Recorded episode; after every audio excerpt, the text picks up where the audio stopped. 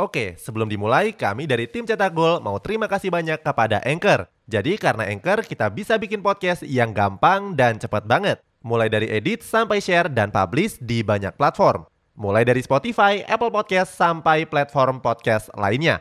Aplikasi Anchor ini gratis, bisa di-download di App Store dan Play Store atau kamu juga bisa akses di website www.anchor.fm. Jadi sekali lagi terima kasih kepada Anchor yang bikin Cetak Gol punya podcast yang bisa kamu dengarkan sekarang.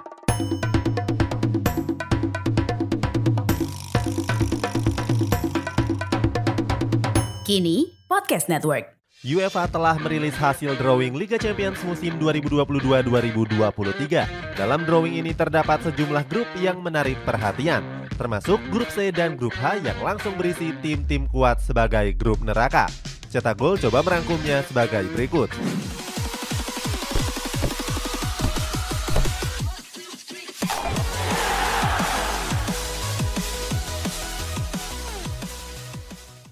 Grup A Untuk mengawali ulasan ini ada grup A yang berisikan tim-tim pincang seperti Ajax Amsterdam, Liverpool, Napoli, dan Rangers. Liverpool menjalani awal musim 2022-2023 dengan kurang baik. Berikutnya ada Ajax Amsterdam yang harus melakukan banyak penyesuaian. Mereka kehilangan Erik ten Hag yang pindah ke Manchester United. Selain itu, Ajax Amsterdam juga melepas Lisandro Martinez, Ryan Gravenberch, Andre Onana, Sebastian Haller, Nusair Mazraoui. Dari wakil Italia ada Napoli yang menjadi tim yang langsung tampil bagus dan memimpin klasemen sementara Serie A kali ini. Sedangkan Rangers diyakini bakal bersemangat mengingat mereka kembali setelah 12 tahun. Dengan komposisi seperti ini besar kemungkinan kalau grup A akan diwakili oleh Liverpool dan Napoli. Grup B Lanjut ke grup B ada FC Porto, Atletico Madrid, Bayer Leverkusen, dan Klub Brugge. Porto jadi salah satu yang paling diunggulkan setelah musim lalu berhasil mengalahkan Juventus. Di musim ini Porto juga belum kehilangan magisnya. Padahal mereka melepas banyak pemain andalan seperti Vitinha, Fabio Vieira, dan Sergio Oliveira. Mereka masih memimpin klasemen sementara Liga Portugal. Berikutnya ada Atletico Madrid yang sedang mengalami krisis finansial. Hasilnya, skuad Los Rojiblancos nggak mendatangkan banyak pemain top. Kemudian ada Bayer Leverkusen yang finish di posisi 3 Bundesliga. Sementara klub Brugge yang merupakan juara Liga Belgia kini sedang mengalami transisi pelatih. Dengan susunan pemain dan performa klub saat ini, besar kemungkinan kalau grup B akan meloloskan FC Porto dan Atletico Madrid. Grup C Lanjut ke grup C ada Bayern Munchen, Barcelona, Inter Milan, dan Victoria Plazen. Grup C jadi yang paling disorot karena kembali mempertemukan Barcelona dan Bayern Munchen. Fans Barcelona pasti masih ingat dengan pembantaian telak dengan skor 8-2 di fase gugur Liga Champions beberapa tahun yang lalu. Bayern Munchen juga semakin kuat dengan kehadiran Sadio Mane dan Matis Delik. Tapi Barcelona hadir dengan skuad bintang terbaru mereka setelah berkali-kali menarik tuas ekonominya. Tentu mereka akan all out di Liga Champions musim ini. Mereka juga sudah merekrut Lewandowski, Rafinha, Frank Kessie, Andreas Christensen, dan Jules Konde. Berikutnya ada Inter Milan yang kembali tajam setelah kembalinya duet Lukaku dan Lautaro. Di Serie A musim ini, Nerazzurri mengejar puncak klasemen dan cuma kalah selisih gol dari Napoli. Sementara itu, Victoria Plazen digadang-gadang cuma jadi klub penghibur saja di grup C. Dengan komposisi seperti ini besar kemungkinan kalau grup C akan diwakili oleh Bayern Munchen dan Barcelona. Tapi bukan tidak mungkin kalau Inter Milan juga bisa tampil mengejutkan.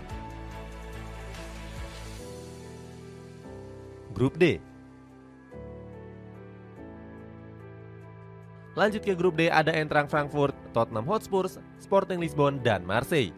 Frankfurt tampil mengejutkan dengan menjuarai Liga Eropa kemarin. Tapi mereka kehilangan Philip Kostic dan belum memenangkan satupun pertandingan di Liga musim ini. Hasilnya Frankfurt merosot sampai hampir berada di zona degradasi. Tottenham Hotspur digadang-gadang jadi tim unggulan karena merekrut banyak pemain bagus. Mulai dari Richarlison, Yves Bissouma, dan Ivan Perisic. Selain itu, ada misi balas dendam di mana mereka gagal juara di tahun 2019 yang lalu. Belum lagi mereka sedang ditangani oleh pelatih galak Antonio Conte. Selanjutnya ada Sporting yang berstatus sebagai runner-up Liga Portugal di musim lalu. Tapi mereka tampil buruk di awal musim ini. Sementara Marseille sudah menghabiskan 60 juta euro untuk membawa Alexis Sanchez, Jordan Verretout, Cancel Mbemba, dan Matteo Guendouzi. Dengan susunan seperti ini, besar kemungkinan kalau grup D akan diwakili oleh Tottenham Hotspur dan Marseille. Oke, sebelum dilanjut, ada yang penasaran nggak gimana caranya bikin dan nyebarin podcast yang kayak gini? Nah, ini karena tim cetak gol pakai Anchor. Mulai dari rekaman, edit suara, tambah lagu, sampai drag and drop bisa kita lakukan sendiri pakai Anchor. Satu aplikasi sudah bisa buat semua kebutuhan podcast. Bisa di-download dari App Store dan Play Store, atau bisa juga diakses dari website www.anchor.fm. Terus yang terpenting, Anchor ini gratis. Download dan coba sendiri setelah tonton episode ini. Grup E Lanjut ke grup E ada AC Milan, Chelsea, RB Salzburg, dan Dinamo Zagreb. AC Milan tampil mengejutkan dengan meraih Scudetto pertamanya sejak 11 tahun terakhir. Tapi mereka harus waspada karena menelan hasil yang sangat buruk di Liga Champions musim ini. Sementara itu, rival satu grupnya yakni Chelsea juga mengalami penurunan performa yang cukup memprihatinkan.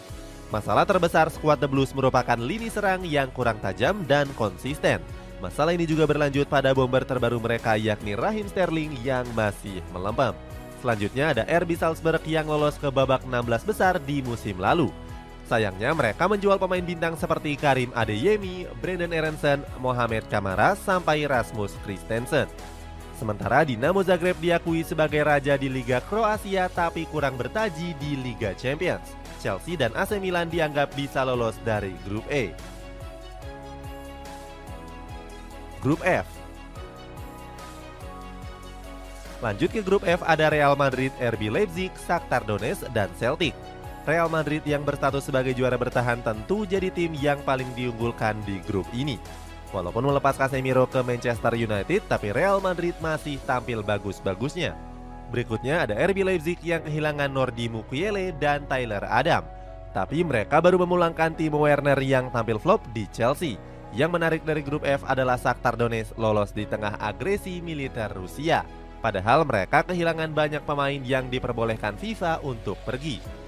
Sementara Celtic tampil lebih baik di bawah asuhan pelatih Eng Postecoglou. Prediksinya tentu mengarah kepada Real Madrid. Sementara tim kedua mungkin ditempati oleh RB Leipzig. Grup G Lanjut ke grup G ada Manchester City, Sevilla, Borussia Dortmund, dan FC Copenhagen. Grup ini juga menarik karena mempertemukan Erling Haaland dengan mantan klubnya yakni Borussia Dortmund. Haaland memutuskan untuk pindah dari Borussia Dortmund ke Manchester City untuk meraih trofi juara. Sebagai pengganti Haaland, Dortmund pun menghadirkan Sebastian Haller dan juga Anthony Modeste. Tapi mereka kurang konsisten di bawah kepelatihan Edin Tarzi. Apalagi Haller harus menepi karena menjalani pemulihan penyakit yang menyerang bagian vitalnya. Sevilla mengawali masa sulit di awal musim ini. Mereka dikalahkan Osasuna dan ditahan imbang oleh Real Valladolid. Sementara FC Copenhagen kembali ke babak grup setelah absen selama enam tahun. Dengan susunan tim seperti ini, maka besar kemungkinan kalau grup G akan diwakili oleh Manchester City dan Borussia Dortmund.